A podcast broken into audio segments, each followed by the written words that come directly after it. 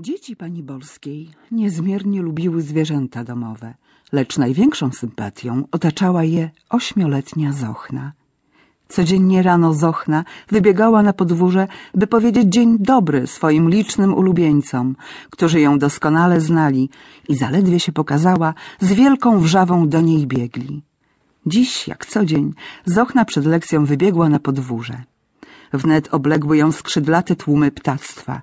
Białe i siwe gołębie siadły jej na ramionach, a niektóre i na jej jasnej główce, wołając bezustannie grochu, grochu i zaglądając ciekawie do fartuszka dziewczynki, w którym mieściły się znakomite dla nich smakołyki. Okrąglutki groch, pszenica, okruchy chleba, bułki.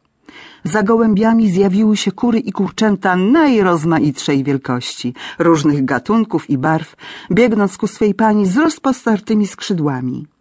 Były tam czubate kokoszki, bieluchne ulubienice zochny, szare i pstrokate kury, ledwie wypierzone kurczęta z gładkimi łebkami, takie jeszcze śmieszne, jakby oskubane.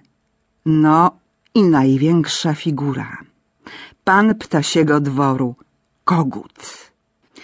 Był on tak śmiały i tak natarczywie dopominał się o swoją porcję, iż Zochna musiała go poskramiać, uderzając po ślicznych, różnobarwnych skrzydłach, wołając — Asio! Asio! Ty zuchwalcze, bądź cierpliwy, przecież zawsze o tobie pamiętam. Między kury wciskały się perlice i indyczki, starające się chwytać najsmaczniejsze kąski i nawołujące do ogólnego stołu wielkiego indyka, który chodził z napuszoną miną, jakby się chlubił swymi pięknymi czerwonymi koralami. Był to jedyny, lecz stanowczy przeciwnik Zochny. Podczas gdy wszyscy mieszkańcy podwórza tłumnie otaczali swoją opiekunkę, indyk trzymał się zawsze z daleka i nawet raz, rzecz niesłychana, gdy spotkał Zochnę samą w ogrodzie, odważył się rzucić na nią z głośnym gulgotaniem, prawdopodobnie w jak najgorszych zamiarach. Dopiero Bufon, pies podwórzowy, który na szczęście był spuszczony z łańcucha, przybiegł na ratunek swojej panience, szczekając głośno na zuchwałego napastnika. Zochna nie lubiła indyka lecz nie dokuczała mu, karząc go jedynie tym, że nie przywoływała go do rannej uczty. Za to serdeczną jej przychylnością i troskliwą opieką cieszyły się kaczki, których była spora gromadka, a które z powodu swego niezgrabnego chodu były zawsze krzywdzone przez ruchliwsze i zręczniejsze towarzyszki. Szczęściem kaczki dawały sobie radę, dziobiąc skóry na lewo i na prawo i chwytając zręcznie rzucane ziarno.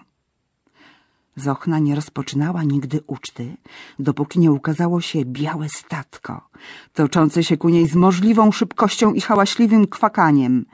I teraz bystrym spojrzeniem obrzuciła przybyszów. Naturalnie, nie ma go. Dziadek, dziadek! zawołała dźwięcznym głosikiem. Wnet na to wołanie wytoczył się z kąta podwórza wielki, siwy kaczor ze ślicznymi szafirowymi piórkami na skrzydłach. A tyle niuchu! zgromiła go Zochna. Zawsze się spóźniasz. Zobaczysz, nie dostaniesz śniadania. Lecz dziadek nic sobie złajania nie zrobił. Jakby wiedział, że był najpierwszy z pomiędzy ulubieńców Zochny. Kiwał z zapałem głową, pokwakując przy tym tak zabawnie, że dziewczynka zaczęła się śmiać i rozbrojona wyciągnęła doń rękę z dużym kawałkiem chleba. Widząc, że wszyscy biesiadnicy się stawili, Zochna siadła na kamieniu i rzucała całe garście ziarna przeznaczonego dla wszystkich. Wybrańców zaś karmiła oddzielnymi kąsami. Z początku uczty panował ład, jako taki, ale po kilku chwilach wkradł się najstraszniejszy nieporządek.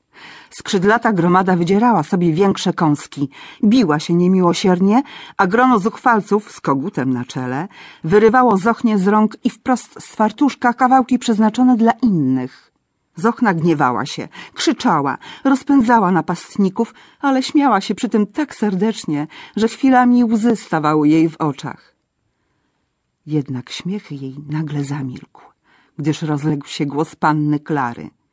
Zochno, już dziewiąta. Proszę na lekcję. Ach, już dziewiąta.